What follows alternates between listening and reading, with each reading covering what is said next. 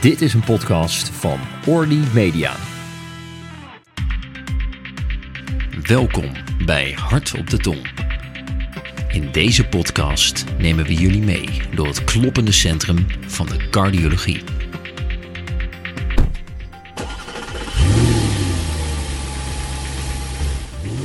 Beste luisteraars, welkom bij de allereerste aflevering van de cardiologische podcast van Nederland. Een gloednieuwe podcast genaamd Het Hart op de Tong. Mijn naam is Enrico de Koning. Ik ben AIOS Cardiologie in het LUMC in Leiden en nu werkzaam in het Westeinde ziekenhuis in Den Haag. En mijn naam is Robert van der Boon. Ik ben cardioloog en fellow hartfalen in het Erasmus MC. En samen met drie andere collega's nemen jullie mee op een reis door het kloppende centrum van de cardiologie. In deze podcast willen we onze passie voor het vak met jullie delen. En wij gaan een eh, gesprek voeren met vooraanstaande klinici of baanbrekende onderzoekers. En samen verkennen we de nieuwste ontwikkelingen in de cardiologie. Bespreken we uitdagingen en successen, maar ook het dagelijks leven als cardioloog binnen en buiten het ziekenhuis. Zoals u wellicht kunt horen zijn wij op dit moment op reis. Op reis naar het warme en zonnige zuiden. Wij gaan namelijk naar Maastricht, naar het Maastricht UMC, om daar te praten met uh, professor Dr. Kevin Vernooy. En wij zullen het gaan hebben over de cardiale resynchronisatietherapie en linkerbundeltak pacing. Kevin Vernooy werd geboren op 25 juli 1978 in Sint-Oeterode en heeft een indrukwekkend pad bewandeld in de medische wereld. Hij eh, behaalde zijn diploma geneeskunde aan de Universiteit van Maastricht en zette vervolgens zijn academische reis voort in het Maastricht UMC waar hij zijn proefschrift afronde met als titel Dysynchronopathie and the Role of Cardiac Resynchronization Therapy. Na het afronden van een AGICO-programma in 2011 begon hij aan zijn carrière als cardioloog en deed hij een fellowship elektrofysiologie ook in het Maastrichtse. Van 2014 tot 2021, 2021 diende eh, Kevin als hoofd van de afdeling elektrofysiologie en in 2020 behaalde hij een belangrijke mijlpaal toen hij benoemd werd tot professor in de cardiologie. Zijn leerstoel Electrical Management of Heart Failure weerspiegelt zijn toewijding aan het begrijpen en behandelen van hartfalen door middel van cardiale resynchronisatietherapie en andere alternatieve pacingmethoden. Met meer dan 200 wetenschappelijke publicaties en daarmee dus ook een cv van 23 pagina's, heeft Kevin een aanzienlijke bijdrage geleverd aan ons vakgebied. Sinds 2021 leidt hij, leidt hij de hartdivisie van het Cardiovascular Research Instituut Maastricht en staat hij aan het hoofd van de afdeling cardiologie van het MUMC. Met zo'n uitgebreid en waardevol cv kan Kevin Vernooy zeker een boeiend en inzichtelijke aflevering met ons gaan maken.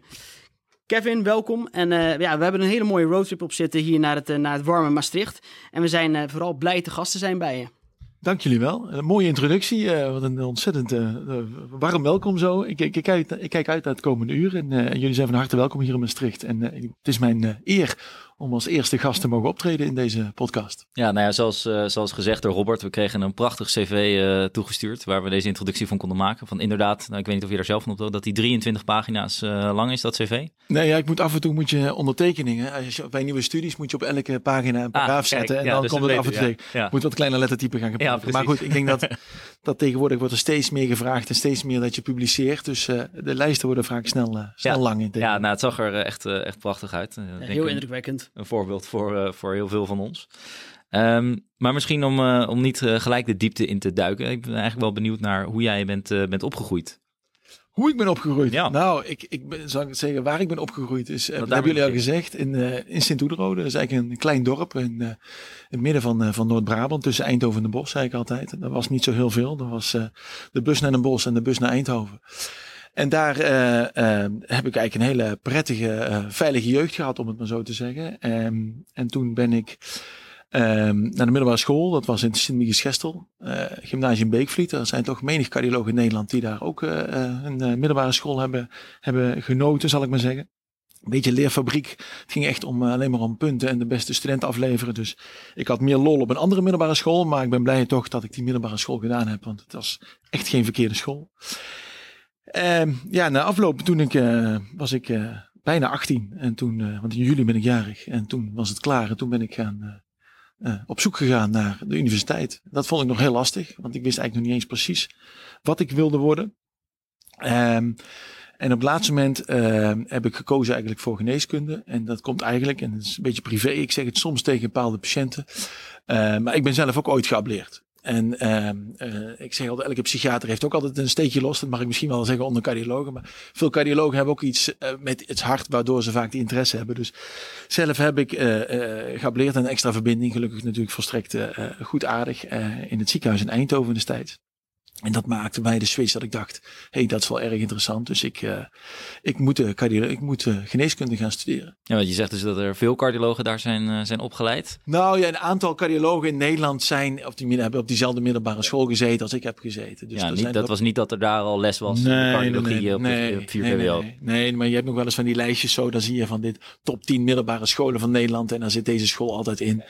En, uh, maar dat was, uh, nou goed. Uh, en ook niet dat het van huis, het is dus echt bijna een soort ervaring geweest als, als, ja, als ik heb geen enkel ja. medicus in mijn familie. Ik ben de enige dokter in de familie. Dus het is echt gewoon, nou ja, de interesse voor, voor, voor het medisch en met name het hart eigenlijk. Ja. En, en toen dus naar Maastricht gegaan?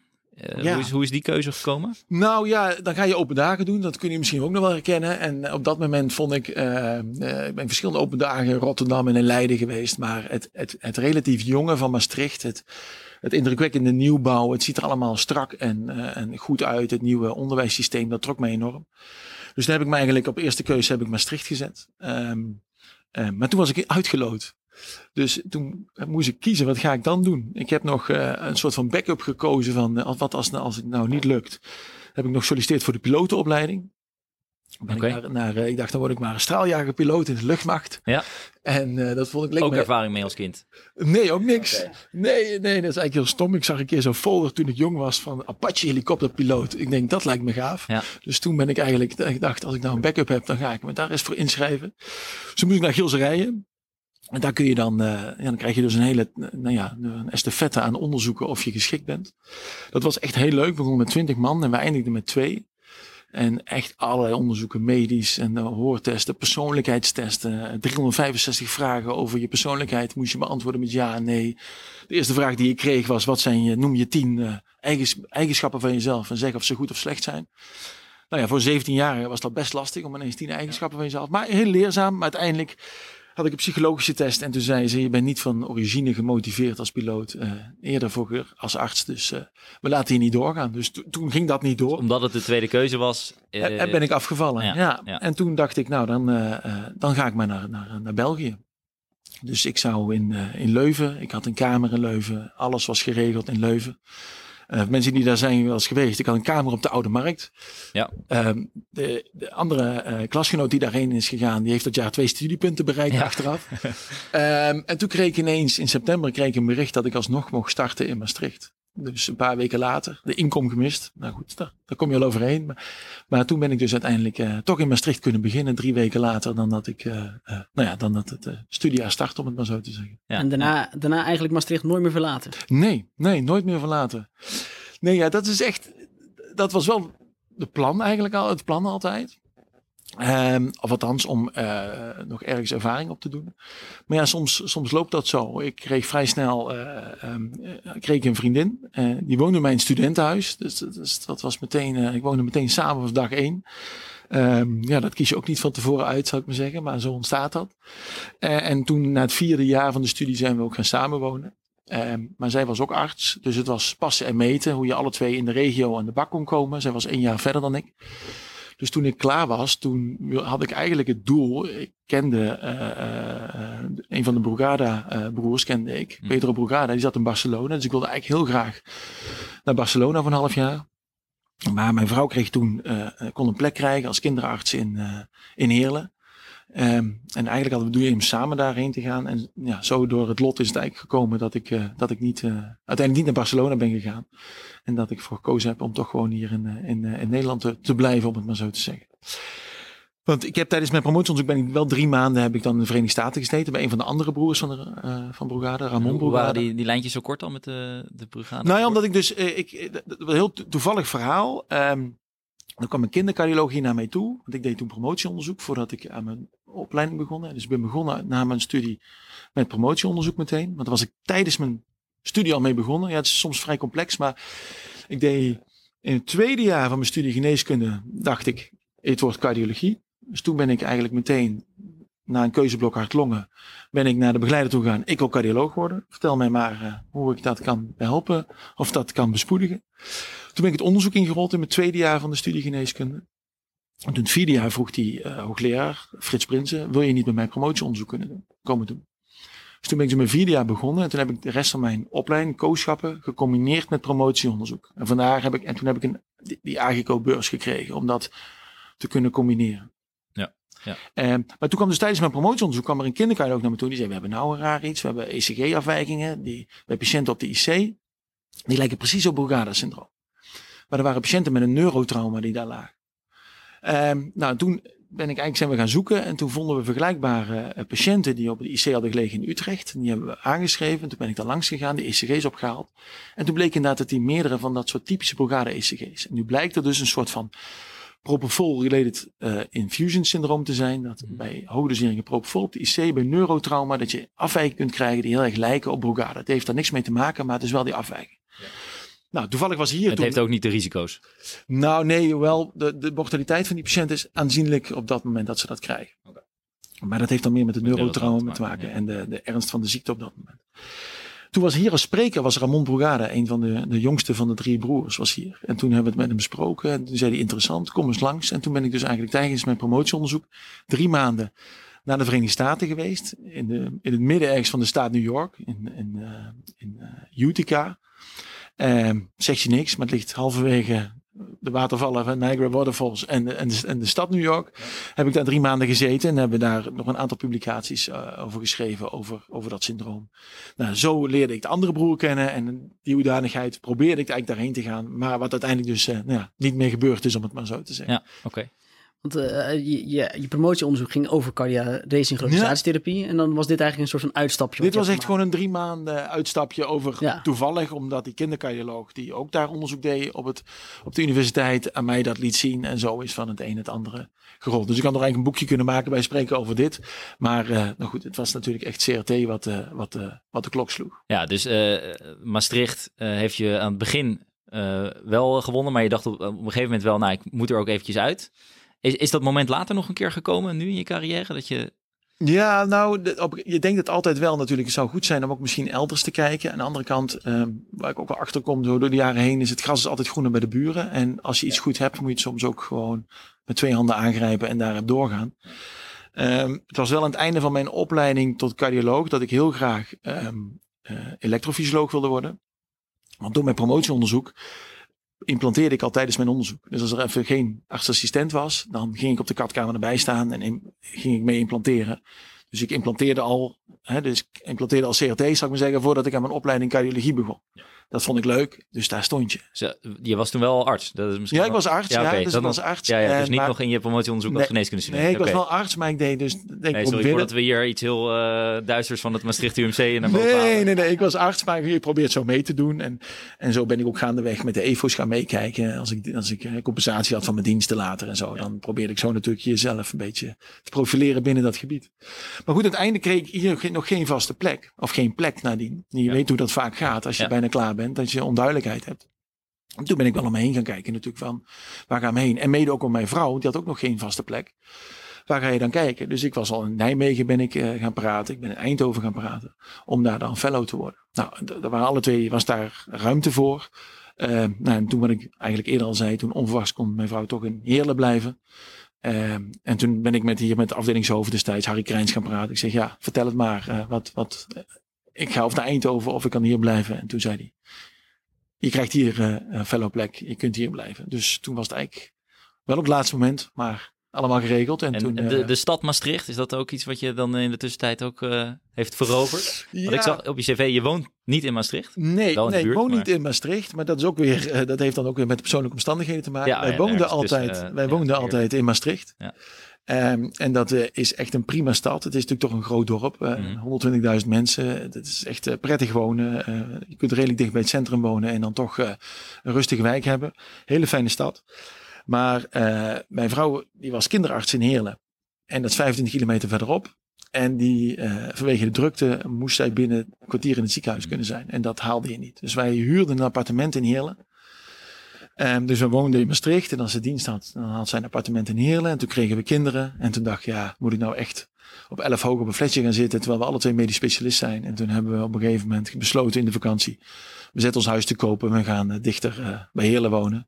Op die manier, uh, nou ja, dat zij gewoon thuis kan blijven ja. tijdens haar diensten. Ja. En toen zijn we ja, halverwege gaan wonen, zijn we in Valkenburg uitgekomen. En dat is eigenlijk plezier. Het is een mooi, heel, klein, heel klein dorpje, maar zeg altijd, het, is het kleinste dorp van Nederland, denk ik. Tenminste, er zijn weinig dorpen met 5000 inwoners, wat heel Nederland ongeveer kent. Ja, het is een bijzonder dorp, maar het is echt wel een heel prettig dorp om te wonen, moet ik zeggen. Ja, nou, heel mooi, heel mooi. Kouberg veel op? Nou, die vermijd ik meestal, want dat is, best wel, uh, dat is best wel een pittig bergje met uh, eh, 12% helling, dus uh, dat is toch wel flink. Nou, u weet komen we daar later nog eventjes op terug in, de, in de podcast. Um, en het, het, ziekenhuis hier, het, het, het MUMC, wat maakt dat zo speciaal voor jou? Ja, ik, nou, kijk, ik heb niet eens zo heel veel vergelijk. Dat is natuurlijk het lastige. Um, het ziekenhuis hier is wel een, gewoon een heel prettig ziekenhuis. Het, is een, het, is, uh, het, het, heeft alles en het, heeft, het is een van de weinige ziekenhuizen, denk ik, uh, wat een academisch ziekenhuis is, maar ook een perifere uh, functie heeft. Het heeft natuurlijk ook een regionale functie. Hè? Dus wij voorzien gewoon de standaard zorg natuurlijk voor de regio Heuvelland, zoals dat heet hier rondom Maastricht. Dus je ziet hier alles voorbij komen. Elke patiënt met pijn op de borst en nacht, een, een hartfalen van 85 jaar. Hè? Het is niet zoals een, als een Leiden dat je altijd moet gaan zoeken naar een bed ergens anders buiten, uh, buiten het ziekenhuis, zoals ik uh, altijd hoor. Wij nemen hier alles zelf op. Ik heb nog nooit in mijn hele opleiding één patiënt moeten overplaatsen naar een ander ziekenhuis. Waar we alles in ons ziekenhuis. We zorgen ervoor dat het hier wordt ondergebracht. Hier krijgt de patiënt de zorg. En proberen daarna we snel weer in goede banen. Dit bij perifeer is dan dus Heerlen? Is Heerlen en Sittard. Dat is alle twee dus 25 kilometer. Ja.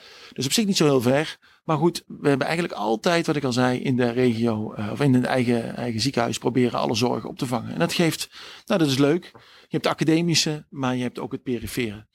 Ja, en het is, ja, op een gegeven moment ben je ergens thuis en dan groei je daarop. En dan, dan is het eigenlijk ook gewoon een heel prettig, uh, prettige plek om te werken. Prettige collega's. We hebben een hele jonge staf ik ben 45, eh, zoals je uh, verteld had in het begin.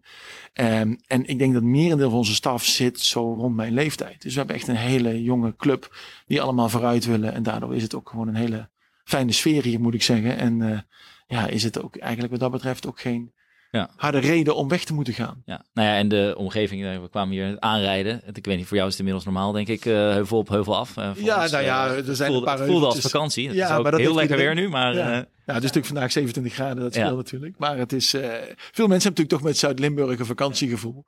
Uh, maar dat is er voor jou misschien wel af. Uh, nou, dat is er wel af. Ja, dat krijg jij als je de weilanden bij, uh, bij Gouda ziet. Dan denk je al, oh, heerlijk. Nee, nee als je dan denk ik wel, wat is het hier vlak? ja.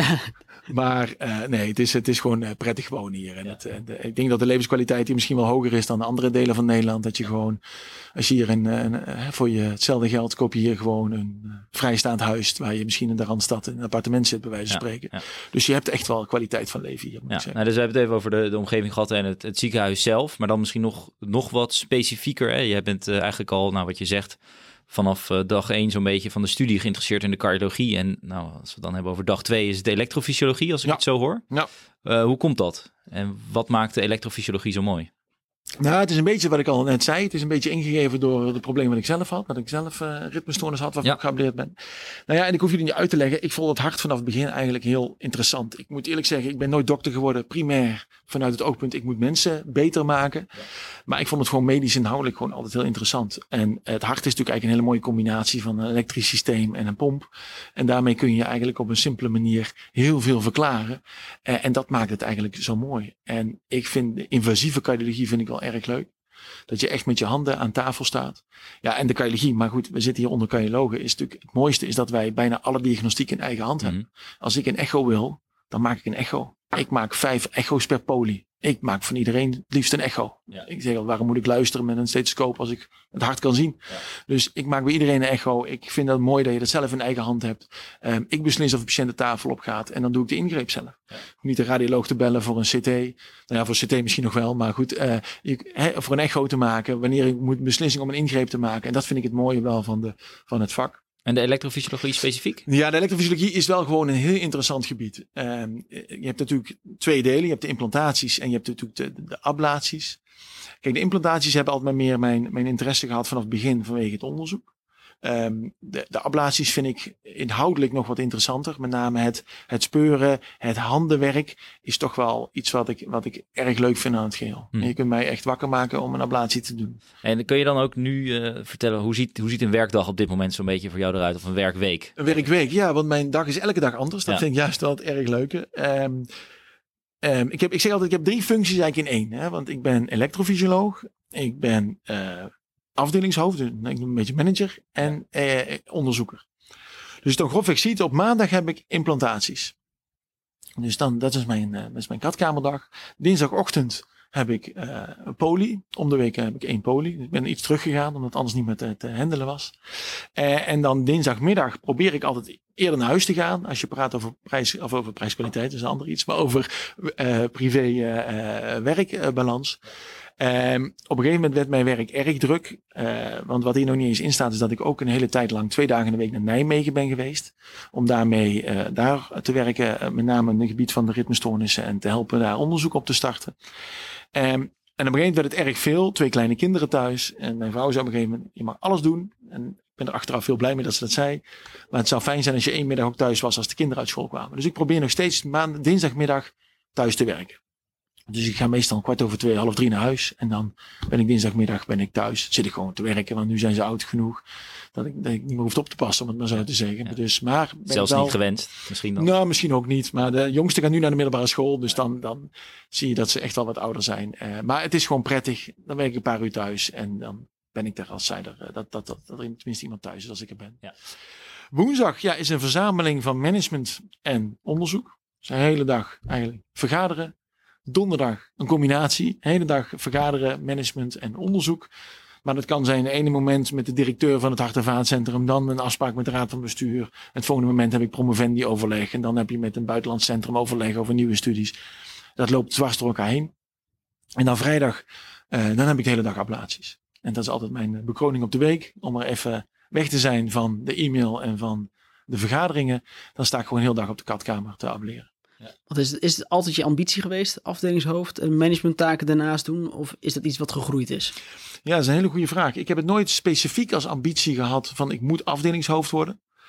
Maar ik heb het altijd heel leuk gevonden om een rol te hebben in het organiseren en het neerzetten zoals ik denk dat het goed is. Dus ik probeerde heel snel al uh, uh, de ICD-afdeling. Toen ik zesdejaars assistent was en ging hier cardioloog weg. Toen zei ik tegen de afdelingshoofd, weet je wat?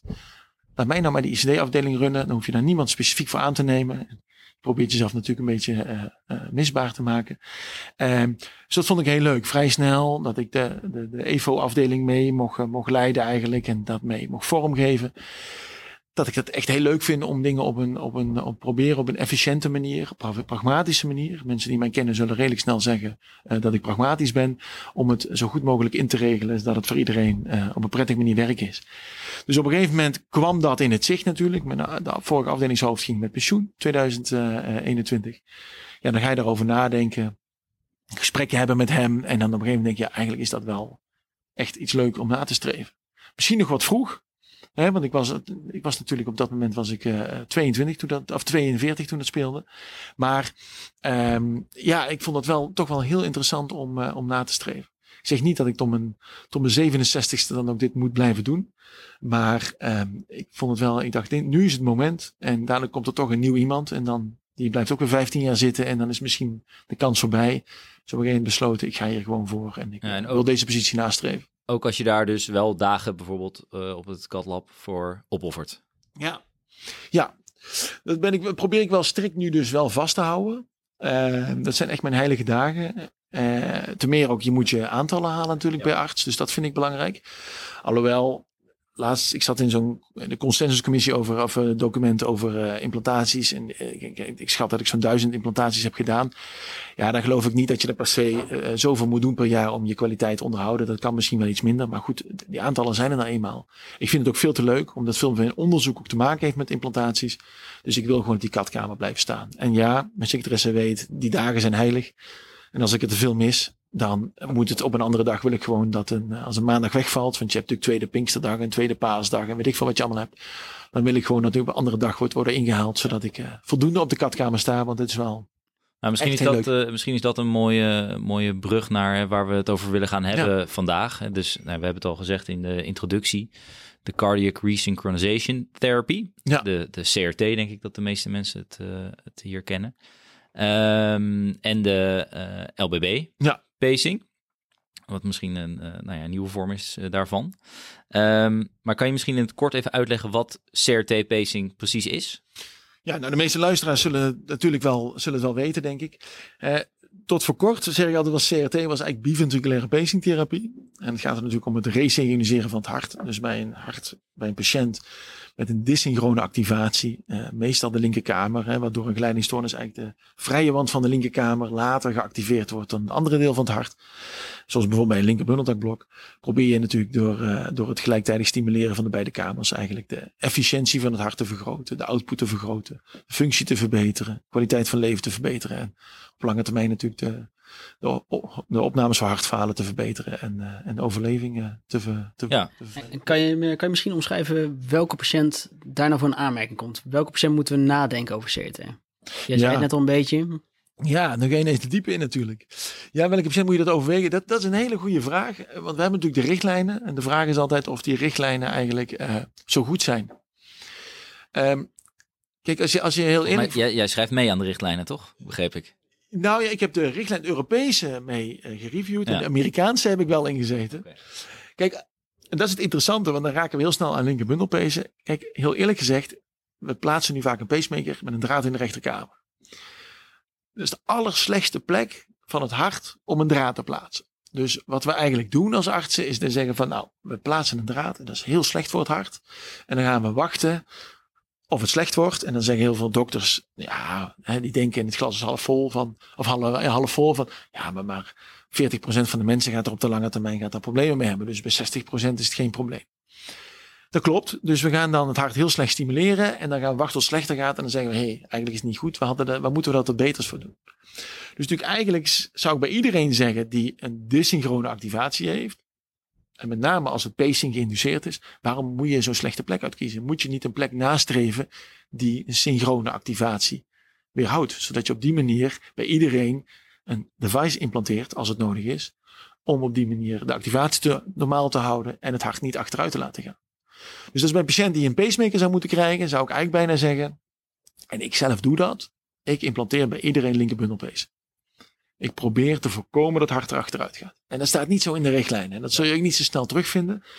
Maar ik plaats niet meer draden dan een andere cardioloog die een patiënt met een draad in de rechterkamer legt. Je kunt zeggen, ja, maar zijn je complicaties hoger? Nou, dat geloof ik niet bij de afgelopen paar honderd die we gedaan hebben. Proceduretijd, ik denk dat die tien minuten langer is op dit moment dan een gewone implantatie. Dus ik denk dat dat redelijk veilig is. Uh, als je praat over patiënten met hartfalen, dan wordt het natuurlijk een ander verhaal. En als je praat over patiënten met een linker bundeltakblok, hè, want daar verwees je eigenlijk een klein beetje naar, dan wordt de situatie natuurlijk een klein beetje anders. Want dan ga je iemand die geen device heeft, een device plaatsen. Uh, en dan is natuurlijk de vraag, wanneer ga je CRT plaatsen? Ja, dan, dan vind ik de guidelines kan ik heel goed uh, uh, nou ja, onderbouwen. Dat we zeggen van je moet wel klachten hebben van hartfalen. Ja. Um, voordat je dat gaat doen. Dat wil zeggen, je moet, je moet echt klachten hebben om, een, om te verbeteren. De patiënt moet baat hebben van zijn therapie en moet daarmee klachten hebben die je kunt verbeteren. en wat, wat, voor klachten zijn dat dan? Nou ja, je ziet de patiënten vaak, en dat is natuurlijk heel subjectief. Hè. Jullie doen nu zelf ook polykliniek. Het is af en toe best lastig om dat in te schatten. En die neerklassen vind ik wat dat betreft uh, altijd niet de ideale methode om het, uh, om het te omschrijven. Maar als een patiënt echt aangeeft dat hij minder kan, dat hij kortademig is als hij een heuvel oploopt, dat kun je in Limburg goed checken. Uh, dat zeggen ze allemaal, uh, vlak gaat het wel, maar zodra ik een heuvel op ga, dan gaat het mis. Dat is ja, natuurlijk. En dan komen ze niet bij de supermarkt. Bijvoorbeeld, ja. ja. dus dat, dat, dat kun je hier dus echt, in, dit hoor ik heel vaak. Ja. Gisteren nog op de poli van, dit is duidelijk dat ze dat zo zeggen. En die vraag kan bij ons dus de deur uit uh, in, uh, ja. in de Randstad. Uh, ja, ja dat wel vergeten. Nog ah, ja, de Erasmusbrug misschien. Nee, Erasmusbrug, wie weet. Nog, ja. kunnen ze daar. Maar in ieder geval, dus als ze klachten hebben, ja, dan vind ik, dan moet je, moet je het gaan overwegen. Aan de andere kant, kijk, een patiënt die bij mij komt en x-fractie van 45, 50 procent en een linkerbundel en is geen ischemie en, en, en, en, geen litteken op zijn MRI. Dan, dan ga ik hem ook proberen voorlopig af te houden van, van implantatie. Totdat de kamer achteruit gaat of de klachten komen. Ja, dan denk ik, dan is het toch het moment daar gekomen. Zit er voor jou nog een leeftijdsgrens bij? Nee, niet heel strikt. Nee, niet heel strikt. Je ziet automatisch natuurlijk, de meeste zijn natuurlijk verwijzingen. Dus de, meestal heeft de, de, de, de huisarts, maar meestal natuurlijk de andere cardioloog al de voorselectie gemaakt. Ja. Um, maar als een patiënt vitaal is, ja, dan wil ik best wel een hoge leeftijdsgrens aanhouden om te beslissen om voor die behandeling te gaan. Als ik echt denk dat de linkerbundeltakblok en daarmee de gevolgen daarvan uh, kan verbeteren met behulp van, uh, van CT. je, je zei natuurlijk ook al eventjes, hè, hier in het ziekenhuis zie jij ook de doorsnee uh, hartfalen patiënt, om het zo maar eventjes misschien een beetje oneerbiedig te zeggen. Hè? Dus niet per se degene die al twee, drie andere cardiologen in een ander centrum heeft gezien.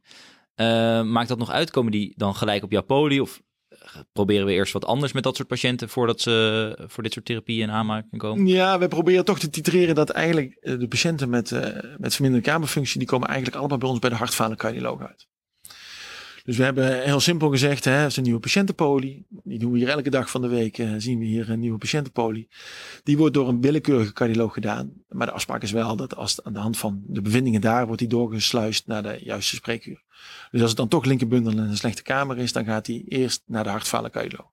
En die zullen netjes eerst de pillen opwerken zoals het ook uh, bedoeld is uh, in de, in de hartfalenrichtlijn. Die zijn er vast strikt in. Maar ik ben ook heel blij dat onze hartfalencardioloog vrij agressief zijn, zal ik het maar zeggen. Dus um, die, die verwijzen laagdrempelig door om uh, de patiënt ons uh, aan te bieden voor CRT. En dan, dan, zit die patiënt dus bij jou in de, de spreekkamer. En dan moet je hem gaan uitleggen, eigenlijk jouw, jouw thesis in het kort, de cardiac resynchronization therapy. Ja. Aan, aan de gemiddelde, gemiddelde patiënt. Hoe, hoe doe je dat? Ja, ja, dat is altijd, ik, ik hou altijd hetzelfde verhaaltje eerlijk. Dat zul je voor jezelf op een gegeven moment ook wel gaan herkennen. Dat als je, ik heb altijd twee plekken op mijn poli. Die zijn standaard ingepland voor CRT-patiënten. Um, dus uh, elke, elke poli heb ik er twee. Die kunnen dan komen van heinde en verre. Want ik wil dat die een wachttijd hebben van nul. Dus kom je als nieuwe patiënt, dan mag je een iets langere wachttijd hebben. Maar kom je doorwezen voor CRT, dan moet je gewoon binnen twee weken op de poli gezien kunnen worden. Um, en dan, dan hou ik altijd hetzelfde verhaal over linkerbundeltakblok. En dan begint het met de snelwegen. Je bent misschien bekend met de snelwegen in Limburg. Maar als je met Sittard komt, je de snelweg naar Maastricht en de snelweg naar Heerlen. Uh, en zo leg ik altijd de linker en de rechterbundel uit. En als ik dan zeg, de, bij u is de snelweg naar Heerlen afgesloten. Uh, ik ben zo in Maastricht, maar om in Heerlen te komen, uh, moet je nu eens binnendoor. En dan noem ik alle plaatsnamen van de dorpen op waar je doorheen moet rijden voordat je in Heerlen uitkomt. Uh, dan snappen ze heel goed dat je zo in Maastricht bent, maar dat het heel lang duurt voordat je in Heerlen bent. En op die manier probeer ik dan uit te leggen dat ik een, een bypass leg naar Heerlen. Om op die manier eigenlijk weer Maastricht en Heerlen uh, net zo snel te kunnen bereiken. En daarmee snappen eigenlijk heel veel Limburgers snappen althans op dat moment hoe, uh, hoe het werkt met een linkerbundeltakblok en hoe je dat zou moeten resynchroniseren. Goed. En ook wat dat doet op hun klachten dan? Ja, ja, precies. Want dan kun je uitleggen dat, dat is het tweede wat ik altijd gebruik. Het zijn mijn standaard dingen. En ik zeg altijd, ik heb dan zo'n zo'n kast in mijn kamer staan natuurlijk een papierwerk in ligt. En dan zeg als ik in mijn eentje die kast wil wegduwen. En ik zeg tegen komt u me helpen? We gaan om de beurt duwen. Zijn papier twee keer zo sterk. Maar in, in, in het echt worden we er niet sterker van. Dus je moet, als je kracht moet zetten, moet je tegelijkertijd duwen. Dus moeten we tegelijkertijd tegen die kast duwen en niet om de beurt. Dus zo heeft iedereen wel van die, van die standaard zinnetjes die hij gebruikt om het patiënt zo duidelijk mogelijk te maken wat efficiëntie is. Hè, gelijktijdig septum en de vrijwand tegelijkertijd te laten samenknijpen. En hoe het werkt met het kleidingssysteem aan de hand van de kaart van Limburg. En die heb ik letterlijk in mijn oratie, uh, heb ik echt de plattegrond van Zuid-Limburg laten zien met de twee snelwegen. Zo, dit is de linkerbundel, dit is de rechterbundel en dit is een linkerbundeltakblok. Heel mooi. En, en de, de nadelen van de, nou ja, van de ingreep, eventuele complicaties? die, zijn er, die zijn er niet natuurlijk. Ja, oké, dat is waar. nee, nee ja, dat heb je natuurlijk altijd. Uh, die, die, bespreek je wel uh, gewoon, net zoals ieder ander. Er zitten, er zitten risico's aan. Ik probeer het wel altijd eerlijk en. Uh, daar zit geen streek uh, onderwerp bij, zeg maar. Iets, nee, daar zit geen streek. Nee, nee, nee, nee, nee. Dan is het toch gewoon, ik ga snijden, dus het kan nabloeden, het kan infecteren, draden kunnen los gaan zitten. Hele kleine kans op perforaties, gelukkig heel klein. Ja. Uh, nou ja, goed, je kent het, wat een standaard behandeling is aan complicaties. Als we dan nog eventjes teruggaan naar de indicaties, want we hebben net heel erg over de linkerbundeltakblok gehad. Ja. Maar ook in de, de guideline wordt ook niet linkerbundeltakblok benoemd. Ja. hoe sta je daar tegenover om bij die mensen CRT te doen? Ja, dat is een hele goede. Dat blijft een heel groot grijs gebied waar we eigenlijk niet goed op de poli nog niet helemaal goed wijze uitkomen. Uh, we hebben daar zelf heel veel onderzoek ook naar gedaan. Um, waarbij wij zijn gekomen tot een soort van, ja, je wil eigenlijk een maat hebben voor, is het hart dysynchroon? Want je kunt alleen iets resynchroniseren als het ook dysynchroon is. We weten wel dat een breed QRS een grotere kans geeft, maar we weten niet natuurlijk zeker of het hart ook dysynchroon is. Dus een van de methoden bijvoorbeeld die we gedaan hebben is het ECG weer om te zetten naar een vectorcardiogram. En aan de hand van het vectorcardiogram kun je dan het oppervlakte onder het QRS in drie richtingen bepalen. met een wiskundig formuletje. Uh, dat doet het apparaat, dat doet de machine allemaal voor je. Maar dan kun je eigenlijk zien hoeveel activatie gaat er uh, naar de linkerkamer vrije wand. En als je dat onder, uh, als je dat uitzet als mate voor dysynchronie, dan blijkt het heel duidelijk dat je daarmee veel beter kunt inschatten of een patiënt dysynchroon is ja of nee. Dat blijft wel lastig om dat dan prospectief te onderzoeken. Daar zijn we nu een hele grote prospectieve uh, registry aan doen met 800 patiënten in Europa. Om echt te laten zien dat die in deze maat echt voorspellend is voor de patiënt die baat heeft van CRT. Maar ja, dat gaat nog tijd kosten op dit moment. En op dit moment zijn we dus wel zijn we laagdrempelig in het implanteren, mede vanwege deze studie. Op die manier dat beter inzicht te krijgen. We hebben in het verleden ook een andere eh, studie gedaan waarbij we echt zijn gaan meten lokaal. Dus uh, daar komen de elektrofysiologische eigenschappen om de hoek. Dus ik heb echt, ging met een, met een kleine wire waar je unipolair aan de tip kon meten. Ging tijdens de implantatie ging ik alle zijtakken in en maakte ik eigenlijk een activatiemap middels het, het EnSight systeem. Het EnSight systeem wat we voor ablaties gebruiken. En dan maakte hij zo van alle venen maakte ik een 3D map om te zien hoe loopt het activatiepatroon in dit hart bij deze patiënt? En dan kon je heel mooi zien waar, waar zit nou laat geactiveerde gebied. Is dat aanwezig? Ja. Nou, heeft de patiënt potentieel baat erbij. En dan probeer je natuurlijk een draad uh, ja, ook naar die venen toe te, te krijgen om echt het laatst geactiveerde gebied te vervroegen, om het maar zo te zeggen. Dat klinkt heel erg mooi inderdaad, ook dat, eh, dat vectogram. Mm Is dat iets wat, wat alle centra straks gewoon kunnen doen? Nou ja, dat is mijn, wel mijn wens. Dus, uh, um, het is heel makkelijk. Um, maar het punt is dat niet iedereen het kan. Dus als ik nu tegen jou zeg in Rotterdam, probeer dat eens, dan kun je dat niet, want je hebt die software niet. Uh, we hebben eerder wel eens met HP of met, uh, met, uh, met, uh, met GE, GE om tafel, GE om tafel gezeten. Van waarom staat er boven op ons ECG een PR en QRS duur? Alle tijden staan daar. Waarom kun je niet de QRS area, want zo heet dat, ook niet daarboven weergeven? Ja, dat is toch niet helemaal van de grond gekomen. Maar we zijn nu wel met, een, met AI, met die mogelijkheden zijn we bezig met een bedrijf. Is het niet mogelijk om een ECG, wat voor ook ECG je hebt, om dat digitaal te maken en daarin meteen dan die analyse mee te nemen. In de hoop dat dat kan, ons kan helpen, of in ieder geval de cardioloog kan helpen om te sturen, moeten we deze patiënt verwijzen voor nou ja, zo min mogelijk draden, zal ik maar zeggen. Of dat we toch echt voor CRT zouden moeten gaan om de patiënt te, te resynchroniseren. Ja, het, klinkt, het klinkt heel logisch, hè? veel meer dan de, de dingen waar we nu naar kijken, om, om het op zo'n manier aan te pakken, toch? Het is helemaal waar. Maar je zult, staan, je zult schrikken. Ik doe nu een grote studie hebben we net gedaan, waarbij we patiënten uh, uit 15 centra hebben verzameld. Die CRT, hartfalenpatiënten die een CRT-indicatie hadden.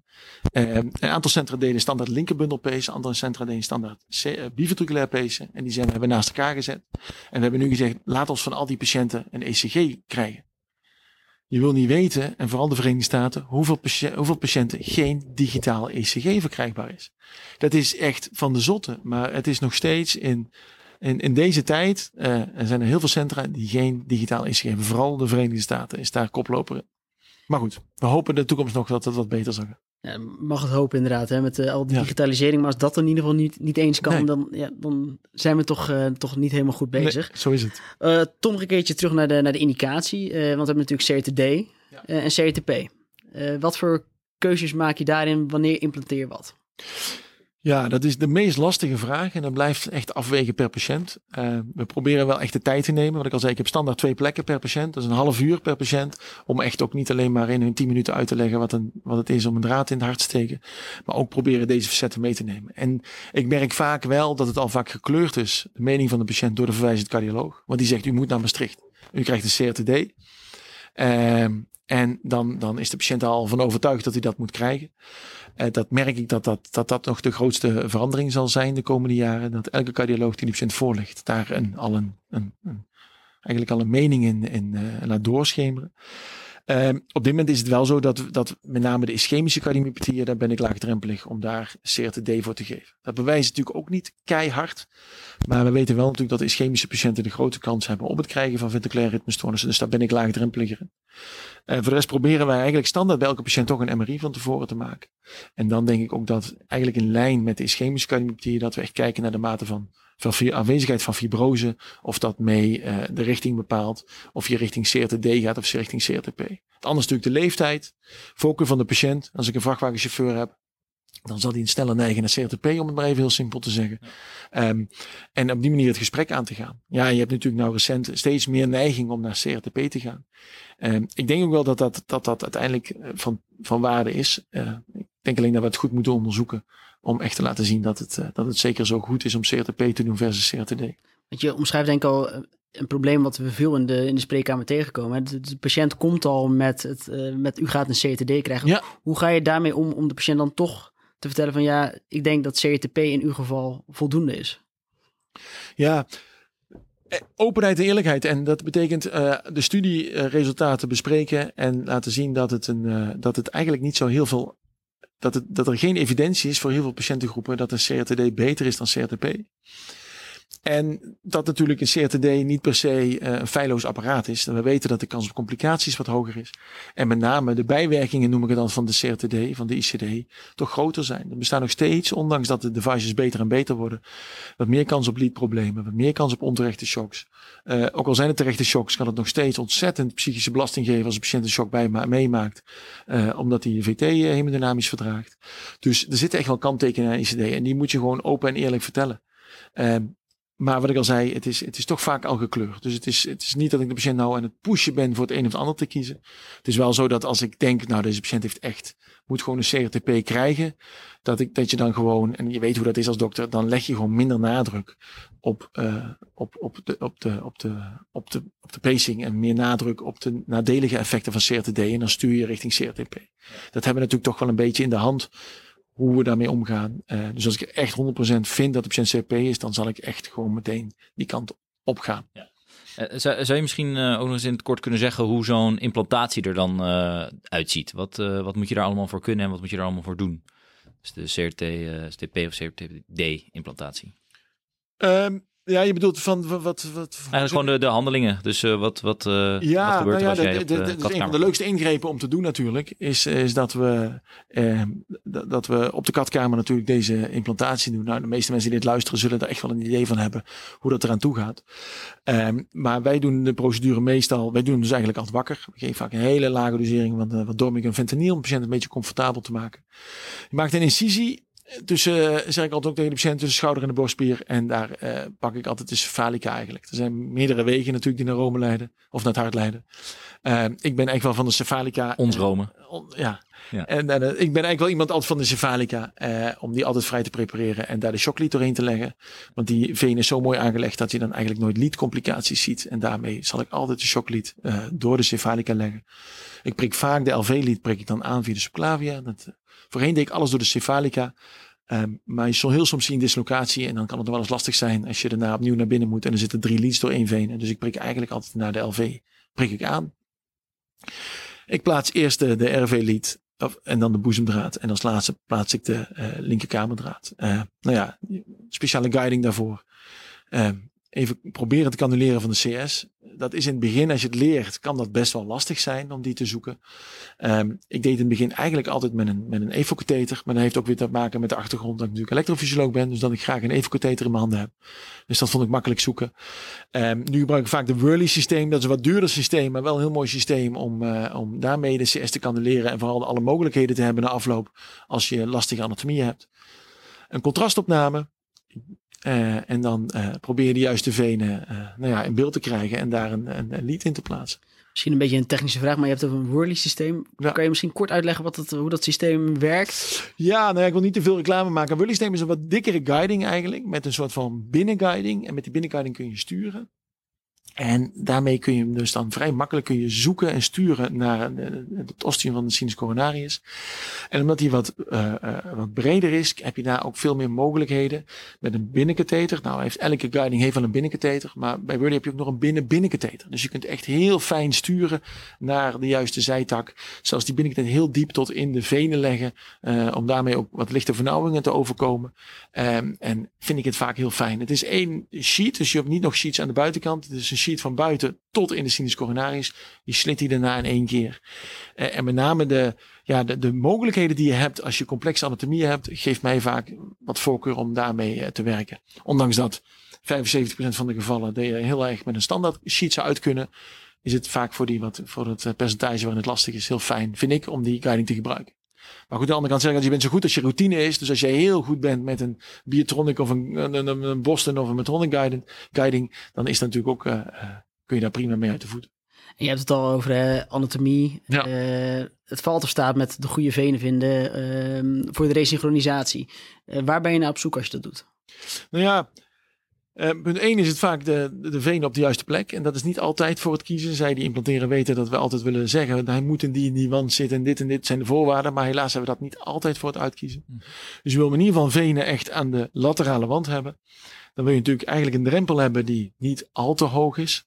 Alhoewel, ik zeg altijd, het gaat om de therapie. Het gaat niet om de batterijduur. Want dat is het enige eigenlijk wat natuurlijk de, daar de invloed van is. Maar goed, ik streef onder de 2 volt, zal ik maar zeggen.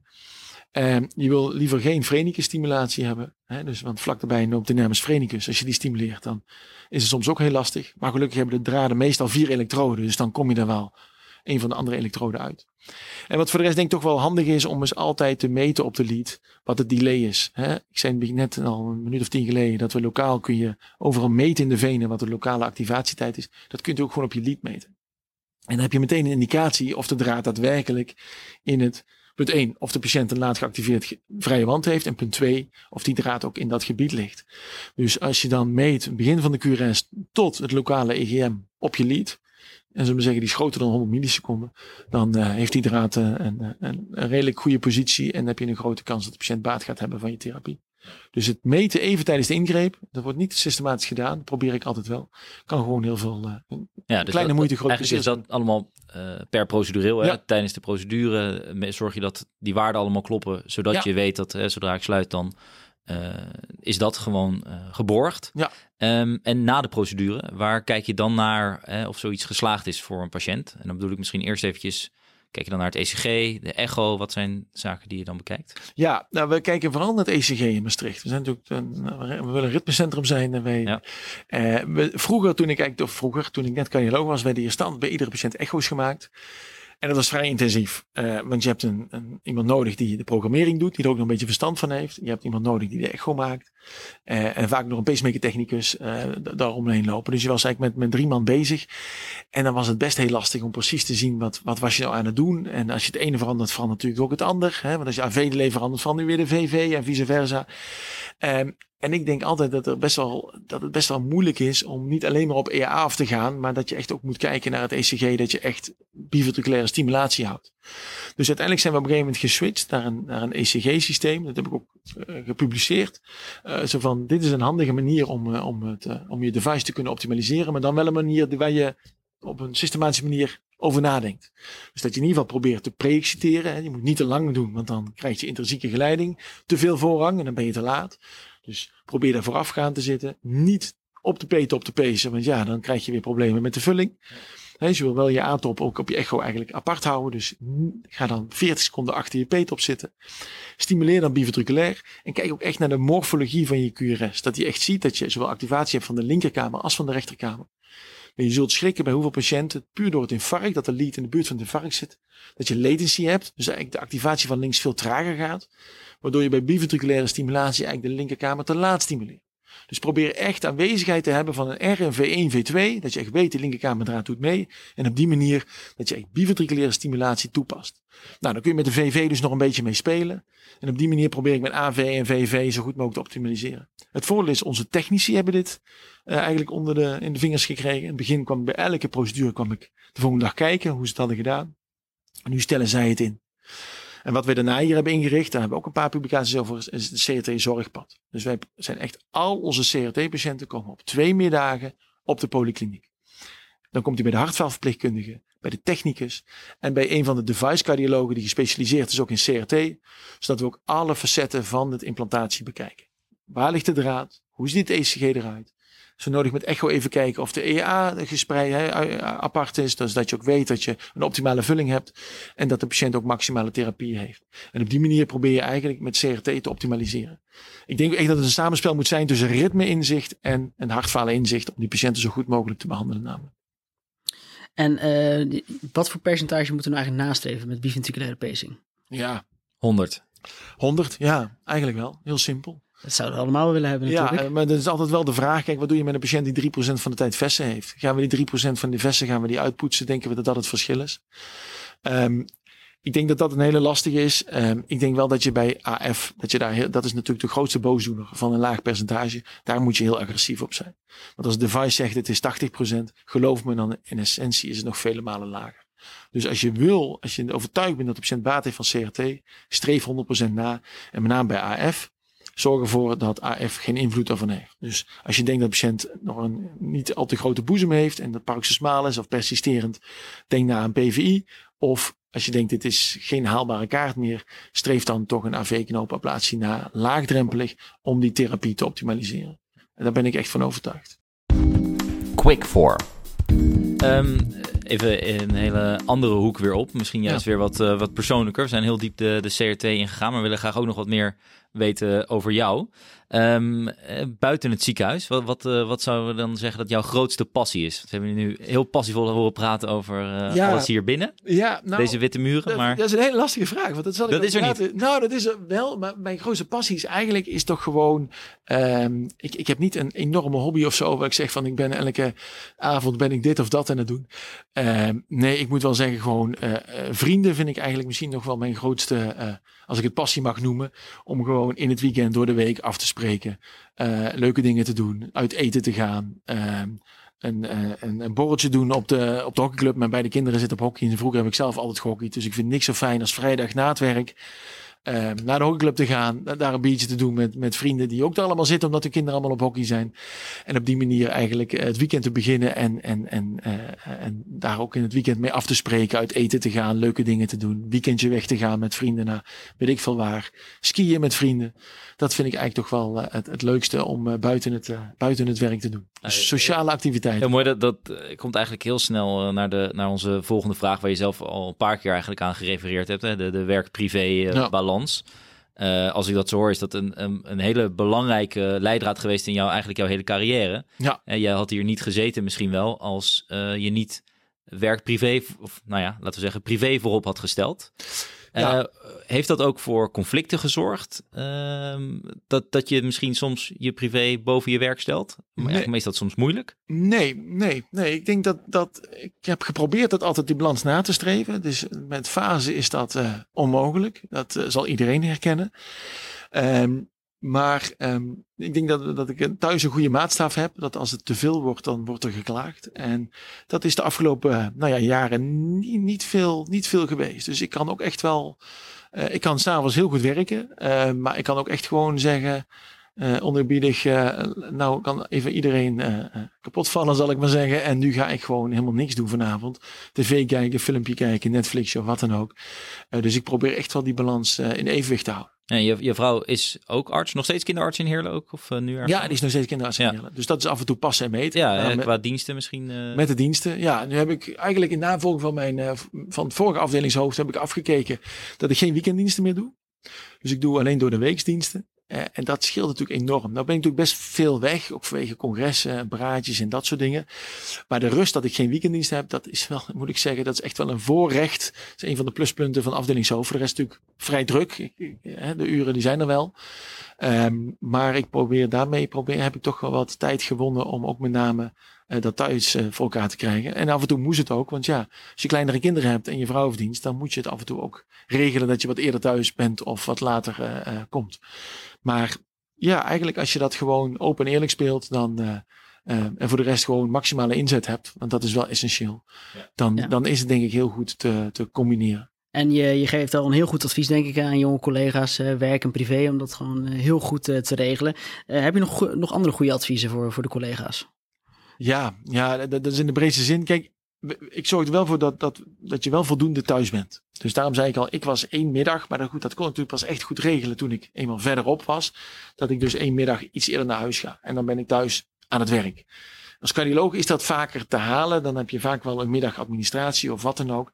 Um, ik streef dat na. Of de snoods gaan 0,9 werken om die, om die middag te zijn.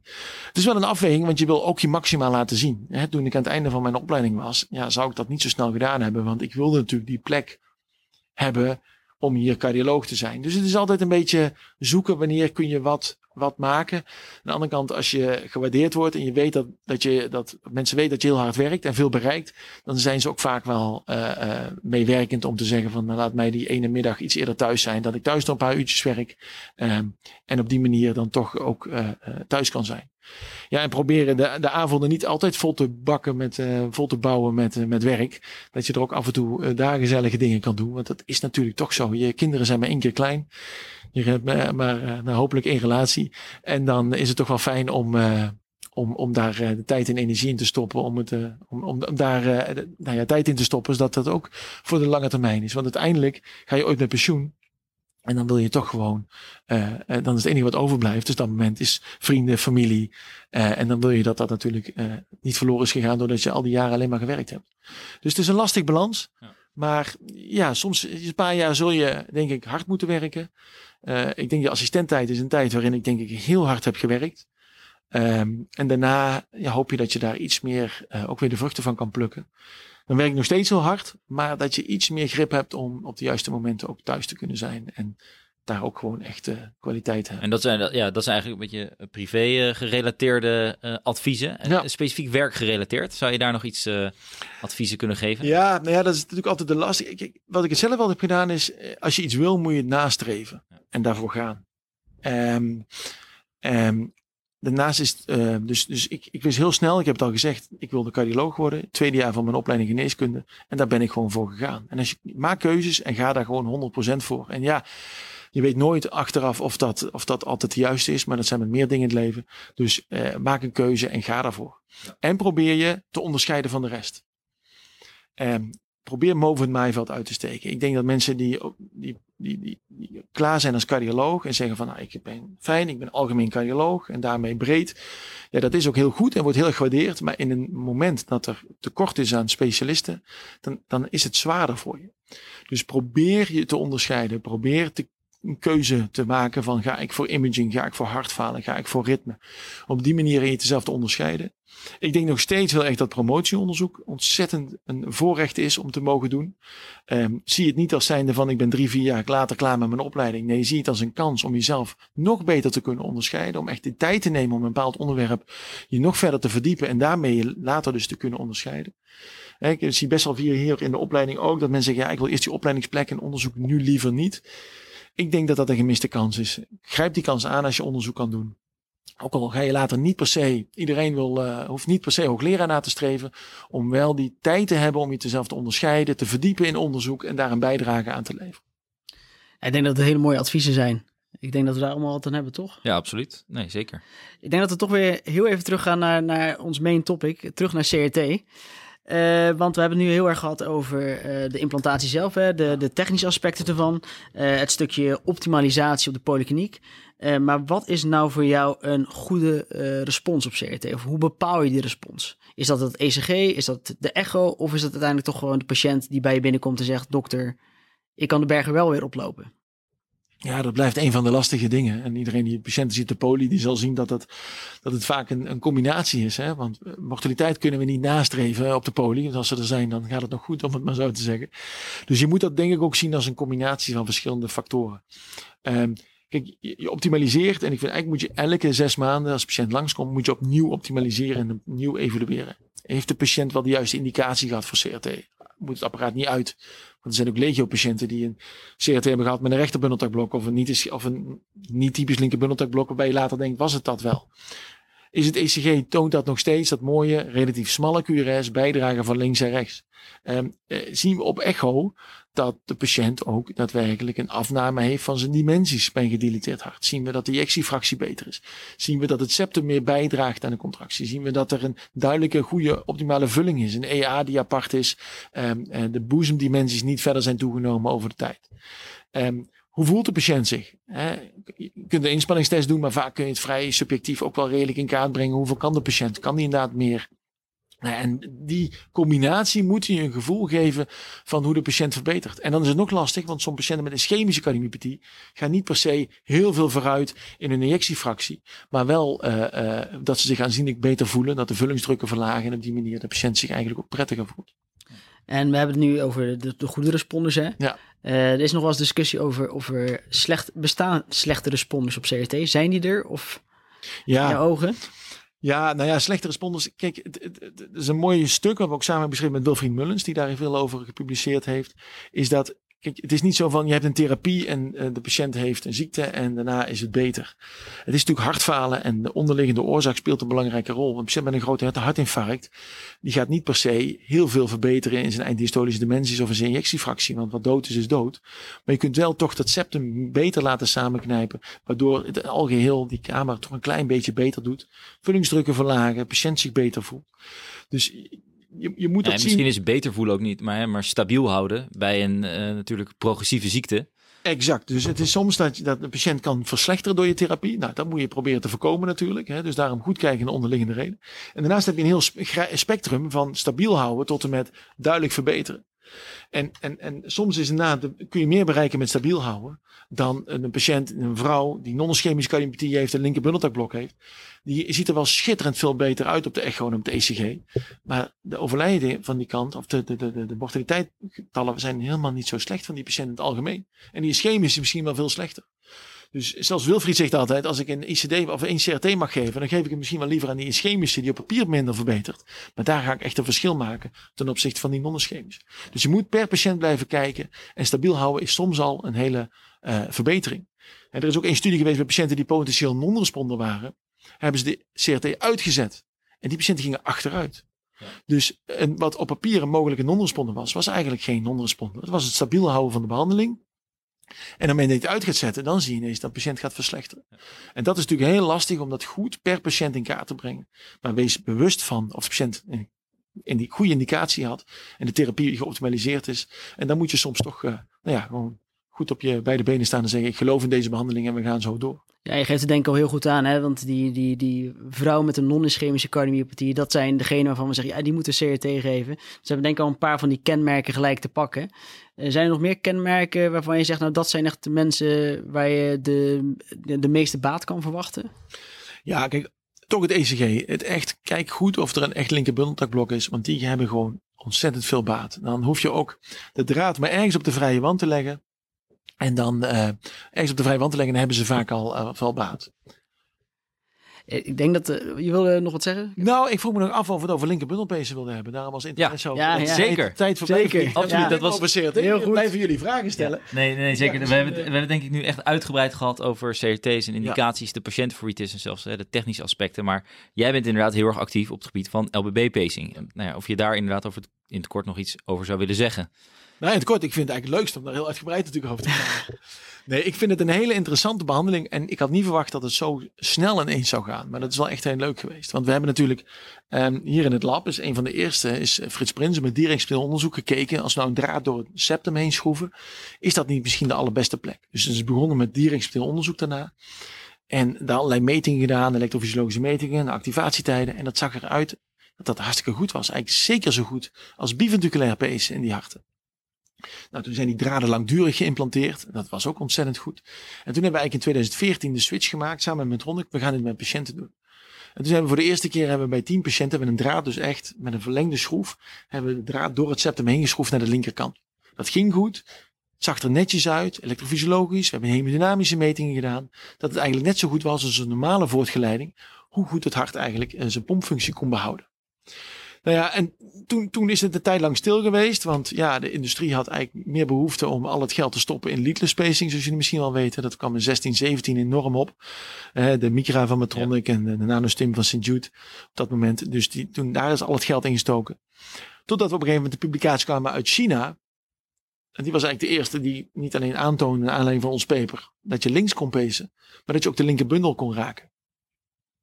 En toen heb ik eigenlijk op een gegeven moment samen met mijn collega stoute schoenen aangetrokken en gezegd, dat willen we zien. Dus toen heb ik via Twitter, heb ik uh, die cardioloog in China heb ik een... Voorheen Twitter, X. Eh, ja, dus sinds, sinds, twee maanden is het X. Hè? Ja.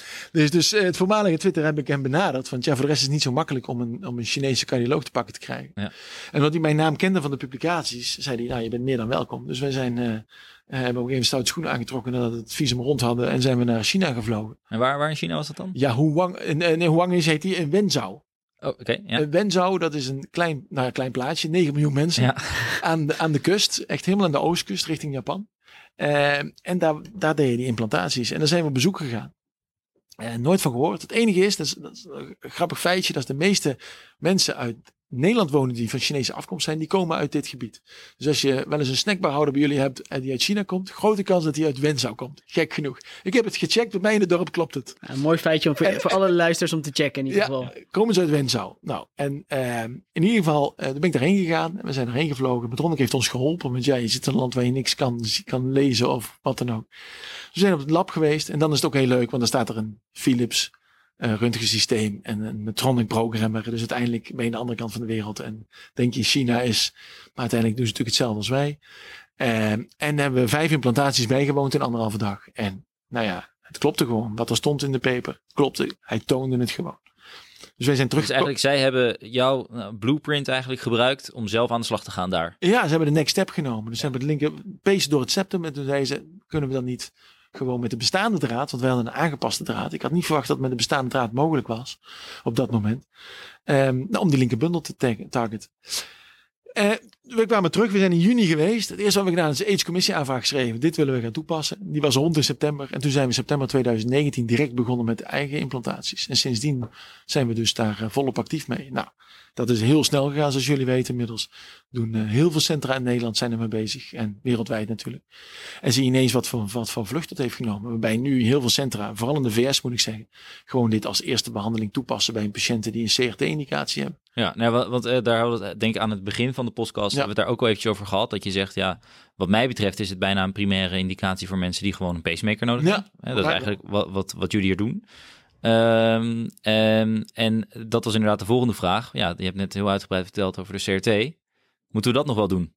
Ja, ik denk op dit moment wel. Ik ben daar, uh, nou ja, ik probeer er netjes in te zijn. Uh, de Amerikanen zullen het conservatief noemen. Maar ik vind, we moeten, we moeten be bewijs vergaren dat het, dat het zeker zo goed is. We hebben een CRT-behandeling, biventriculaire pacing, die zich bewezen heeft. Duizenden en duizenden patiënten hebben in studies gezeten. Dat is bewezen effectief. Ik geloof dat linkerbundelpacing net zo goed is. Net zo goed of beter? Nou, op zijn minst net zo goed. Maar het in theorie beter. Alleen, kijk, je ziet ook, um, linkerbundelpacing is een schitterende therapie. En ik weet niet of je het wel eens gezien hebt of het mee hebt gedaan. Maar het is niet per se dat als je die therapie toepast, dat je altijd de linkerbundel raakt. Um, hè, en we hebben een registry recent gepubliceerd in European Heart Journal. En we hebben ook getoond dat ongeveer 80% van de gevallen is het mogelijk om de, het geleidingssysteem te raken. Maar dan nog blijft maar 20% blijkt echt de linkerbundel te zijn. 60% is eigenlijk wat meer distaal. Is de septale of de, de posterior fascikel die je eigenlijk raakt. En bij 20% lukte het niet. En dat zijn de meest ervaren mensen die die implantaties deden. Daarnaast hebben we niet gezien, als we een half jaar later kijken, zit de draad nog steeds op diezelfde plek. Want er hoeft maar 1 mm te zijn teruggekomen en je zit niet meer in het geleidingssysteem. En je kunt je voorstellen, een millimeter na implantatie is niet zo heel gek om een klein beetje te verplaatsen, om een klein beetje terug te komen. Dus we moeten echt de lange termijnseffecten zien of die draad dan nog steeds helemaal diep in het septum zit, of dat die niet stiekem een klein stukje teruggekomen is en dat je misschien je echte effectiviteit wat kan verminderen. Bij een patiënt met een bradykardie-indicatie vind ik dat wel minder belangrijk. Want wat ik al zei, rechterkamer vind ik het allerslechtste plek. Dus elke millimeter dieper in het septum is naar mijn mening beter dan die rechterkamer apex. Maar voor CRT is het natuurlijk essentieel dat je zo goed mogelijk een plek nastreeft. Dus dat moeten we echt onderzoeken. En moeten we echt gerandomiseerde studies gaan doen om dat te onderzoeken. Nou, vanuit Maastricht doen we dus een grote gerandomiseerde studie bij bradykardie-indicatie. Die loopt nu. Het heet de LEAP-studie. Echt een RCT nu in Nederland opgestart. En nu gaan we naar Europa. Echt in bradykardie-patiënten linkerbundelpezen versus RV-pezen. Maar uh, nu in Amerika hebben ze nu net een grote studie gestart. Left versus left. Om echt te gaan randomiseren. BIF versus linkerbundelpezen. Nou, die moet gaan uitwijzen natuurlijk of het inderdaad net zo goed is. En wat is net zo goed voor jou? Uh, gewoon non-inferiority aantonen? Als je non-inferiority aantoont, ben ik al heel tevreden. Ja, en dan zijn er misschien subgroepen. Dan moeten we goed nagaan van hoe diep moet die draad nou daadwerkelijk hebben gelegen. Uh, maar ik denk dat we bij non-inferiority al heel erg en zijn. Alhoewel ze natuurlijk superiority zullen gaan proberen aan te tonen. Maar ik denk als je een therapie hebt met een draad minder die net zo goed is, dat wel heel ver zijn. Want nu, je bent met twee draden klaar. Ja, tenzij je natuurlijk een defibrillator erbij wil doen. Maar voor CRTP kun je met een, dan met een DDD pacemaker kun je uit. En ik denk dat dat dus heel nou ja, effectief gaat zijn. Minder complicaties. Ook nog kortere proceduretijden. Dus ik denk op de lange termijn zou het best wel als een hele goede vervanger gaan zijn. Dus ik heb toen een grant twee weken geleden was ik een grant aan doen. Toen heb ik ook aangevraagd one site fits all. En ik denk ook echt wel dat voor heel veel patiënten met die ene plek we echt wel een heel groot deel van onze patiënten kunnen behandelen enerzijds voorkomen van achteruitgang, anderzijds bij CRT-patiënten dat we de patiënten kunnen behandelen. Wanneer, uh, wanneer gaan we de resultaten zien van jullie studie in ieder geval? Ja, onze studie, ja, dat is natuurlijk. We hopen dat binnen nu een anderhalf jaar dat we de inclusies hebben en dan een jaar follow-up. Dus dat gaat natuurlijk toch nog een paar jaar duren. En wanneer verwacht je dat uh, de eventuele randomized control trial komt die LBB en CRT vergelijkt? Ja, nou die gaat nu starten met duizend patiënten. Dus uh, laten we zeggen dat ze heel veel sites gaan opstarten. Dus dan is het, laten we zeggen, twee jaar inclusies en een jaar follow-up. Dus dan, dan zijn we toch nog steeds drie jaar onderweg voordat we de eerste resultaten echt kunnen verwachten, helaas. En dan, hoe lang duurt het, denk jij, nog voordat we het ook echt daadwerkelijk gaan toepassen? Stel dat hè, de nou, bewijzen dat LBB-pacing beter is dan CRT. Ik ben bang dat we het al veel eerder toegepast gaat worden. Ja. Dat denk ik. ik. Ik zie dat bij heel veel mensen, en vooral in de Verenigde Staten en in Europa ook al steeds meer, en een aantal ziekenhuizen in Nederland ook al, dat we eigenlijk zeggen, we doen het meteen. Ik vind dat, daar moeten we wel, zal ik heel eerlijk in zijn, voorzichtig mee zijn. We hebben een therapie die werkt, dus ik zal niet snel op de bühne staan en zeggen, je moet nu bij iedereen linkerbundelpezen toepassen. Ik zeg wel, op het moment dat de draad niet wil, of dat je ontevreden bent over de draadpositie, dan moet je natuurlijk het beste voor de patiënten gaan dan voor linkerbundelpezen. Dus daar ben ik echt voorstander van laagdrempelig. Maar voor de rest moeten we oppassen dat we niet te snel uh, staan te juichen om een therapie die, die zich nog 100% moet bewijzen. Ja, heel mooi. En dit is het, als je nu moet zeggen, dit is het hotste topic binnen elektrofysiologie, wat nu gaande is? Nou ja, ik denk binnen, binnen, binnen pacing is duidelijk linkerbundelpezen. Als je komt op het Europese ritmecongres, dan, draait het, dan gaat het alleen maar over ja, conductiesystem pacing, waarbij hisbundel pacing natuurlijk eigenlijk moet meenemen. Maar die is lastiger, anatomisch moeilijker, daardoor ook uh, is gewoon een moeilijkere ingreep.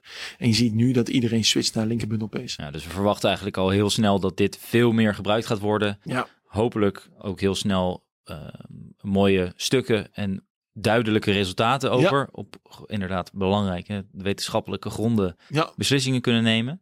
In ieder geval heel veel informatie uit Maastricht gaan we krijgen, toch? Ja, we gaan, we gaan, eh, we gaan flink ons best doen om daar nog weer eh, informatie over te, te verzamelen. Ja, ja super. Duivelse dilemma's. Ja, we hebben nog een, een, een laatste stukje in, eh, in onze podcast. Dat zijn de duivelse dilemma's. Ja. Dus uh, je krijgt twee keuzes. Je mag er één van de twee kiezen en dan kort uitleggen waarom je daarvoor bent gegaan. En dat gaat uh, uh, van Limburg naar Evo, naar uh, ja. voetbal, you name it. CRT of LBB-pacing bij hartfalen? Ja, dan moet ik natuurlijk zeggen LBB-pacing. Waarbij CRT, denk ik dat die term in de toekomst gaat veranderen. Want CRT kun je doen middels BIF-pacing. Je kunt BIF doen, of CRT versus hisbundel-pacing, linkerbundel-pacing. Dus die term die gaat binnenkort veranderen, denk ik. Maar ja, gezien het onderzoek, gezien de Omdat toekomst... de keuzemogelijkheid groter wordt eigenlijk. Ja, CRT is dus, natuurlijk... Is, is, een, te, is, een, te overkoepelend. Is, is overkoepelend. Je probeert ja. te resynchroniseren. En dat heb je op verschillende methoden. Ja. Dus we gaan dadelijk naar, naar BIF-CRT. We gaan naar LBBP-CRT. En, eh, maar dus ik denk dat LBBP echt de toekomst gaat zijn een uh, dagje onderzoek doen uh, of een uh, dagje op het EVO-lab? Ja, dat is een hele goede vraag. En, en dan moet ik eerlijk zeggen dat, dat de katkamer, dat is wel waar ik me gewoon echt, wat ik echt het allerleukste vind om te doen. Ik vind de onderzoek super hoor, maar het is de combinatie. Maar als ik één ding zou moeten weglaten, dan kies ik op dit moment voor niet het weglaten van de katkamer. Dat vind ik Nee, dat word ik toch nooit meer, nooit meer zonder een dag katkamer. Nee, het is echt, duidelijk te zien hoeveel je er nog van houdt. Ja, uh, zoals je leuk om, uh, ja, dat zal ik niet loslaten. Wat en hoeveel taken ik erbij krijg. Oké. Ibiza of Maastricht? Ibiza. Ja, ja, Maastricht is een superleuke stad.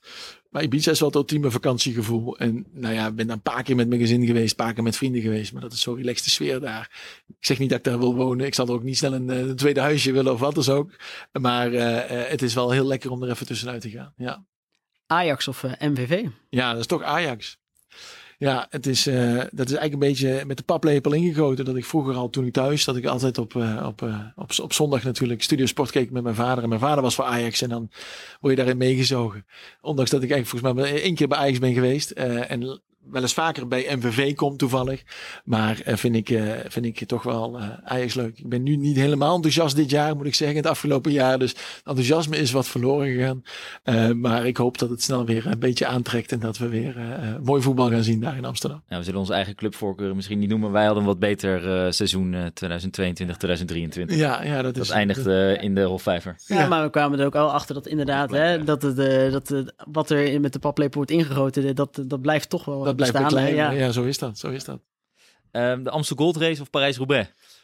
Ja, ik ben niet zo'n wielrenfan eigenlijk. Uh, maar dan is het toch de Amstel Gold Race natuurlijk. Want nou, als je echt geen wielrenfan bent, kan ik me voorstellen dat het alleen maar hinder is uh, als je daar... Nou, dat klopt. Het is, het is, de, het is behoorlijke hinder. Ja. Maar je weet het van tevoren. Het is altijd rondom het paasweekend. Dan is het uh, 15.000 man op zaterdag die in Valkenburg komen fietsen. Ja. en dan op zondag is dan de race. maar aan de andere kant, het is natuurlijk altijd, dat vind ik ook nou... Gisteren, ik zat de podcast te luisteren van de Formule 1 en dan klagen ze in Zandvoort over de overlast. denk ik, jongens, het is één weekend per jaar. En wees trots op hoe, wat je neerzet, uh, wat je bereikt, wat voor, in, wat voor een aanzien je krijgt in, in Nederland en, en daarbuiten. En datzelfde geldt, geldt hetzelfde natuurlijk voor de Amstel Gold Race. Dat we daar in Valkenburg gewoon een enorm event kunnen neerzetten. Daar is Valkenburg wel heel bekend om. Dat we natuurlijk gewoon uh, alles aangrijpen om mooie dingen neer te zetten. Vind ik het alleen maar mooi dat het in Valkenburg is. Ja, dan is één weekend niet handig. Maar waar ik woon heb je er ook nog eens nauwelijks last van. Dus het is, ik vind het alleen maar mooi dat het, dat het plaatsvindt. Carnaval, wintersport. Ja, wintersport. Ja, carnaval is wel leuk. Uh, vooral de vrijdagavond is leuk, want dan moet je je voorstellen, dan gaat het hele ziekenhuis stroomt leeg de stad in. Hoef je niet verkleed, dat scheelt ook een hoop. En dan is het heel gezellig. Uh, maar die pakjes en toestand is niet per se mijn grootste hobby. En wintersport vind ik wel, ultiem, want dat vind ik echt het moment. Enerzijds met je familie, maar anderzijds met je vrienden. Want we gaan vaak met uh, bevriende gezinnen gaan we wintersporten. dus dan is het echt wel, vind ik het, het leukste wat er is. Echt even een weekje lang niks doen behalve uh, nadenken of hoe ik die berg afkom en een biertje te drinken. Zuurvlees of fly? Ja, dat is, een, dat is een hele lastige eigenlijk eerlijk gezegd. Dan, dan denk ik dat ik toch voor fly kies. Terwijl ik heel vaak frietje zuurvlees neem. Mensen die niet weten wat het is. Het is een soort van haché-achtig iets. Um, dus een, een draadjesvlees door een saus op je frieten. Friet is ook heel Limburgs woord trouwens. Zou ik ook vroeger nooit gezegd hebben toen ik in Brabant woonde. Uh, en fly is natuurlijk, ja, er gaat hier geen verjaardag voorbij of er is fly. En dat is ook wel heel lastig af en toe. Want je moet je voorstellen dat er elke week wel een keer op de katkamer staat er fly. Iedereen die jaar is, trakteert Fly. Uh, industrie die langskomt met iets nieuws, trakteert Fly. Um, continu, als er iets te vieren is, een mooie publicatie, er is Fly. Dus mensen die hier uh, wel eens in Maastricht rondlopen, die weten hoeveel Fly er is. Dat is niet altijd handig, al die suikers en die vetten, maar het is wel heel lekker, moet ik eerlijk zeggen. Als afsluiter, André Rieu of Beppie Kraft?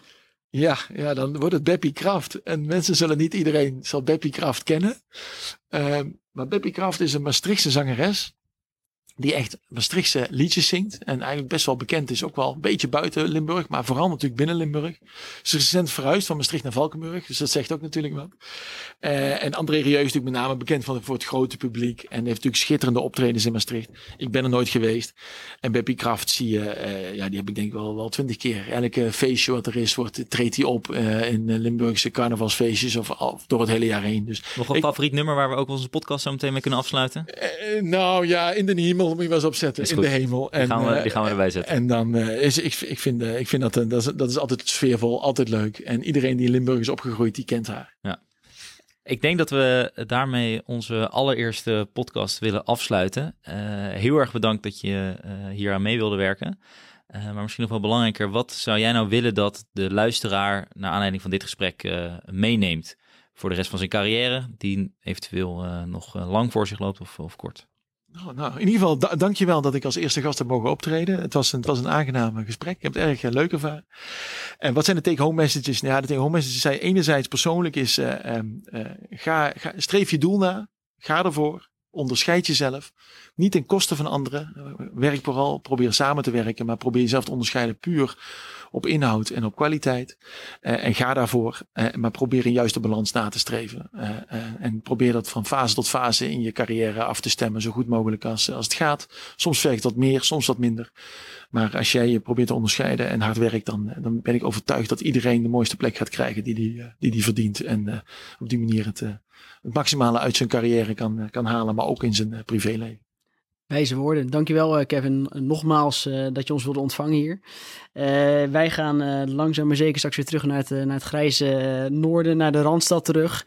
maar we komen graag nog een keertje hier in, in Maastricht langs voor, een, nou, voor een stukje fly en, en voor Beppie Kraft. wellicht. ja. Ja, en daarmee sluiten we de allereerste podcast af. Um, we zijn van plan er nog een hele hoop meer op te nemen als jullie het allemaal leuk vinden om te horen. Uh, de eerstvolgende sprekers die, uh, zijn al gecontacteerd, dus daar gaan we mee aan de slag. En we hopen ongeveer elke maand een, uh, een podcast uit te brengen met een vooraanstaande spreker binnen de cardiologie. Dus tot een volgende keer. Dankjewel. Dit was Hart op de Tong. Dank voor het luisteren en graag tot de volgende aflevering.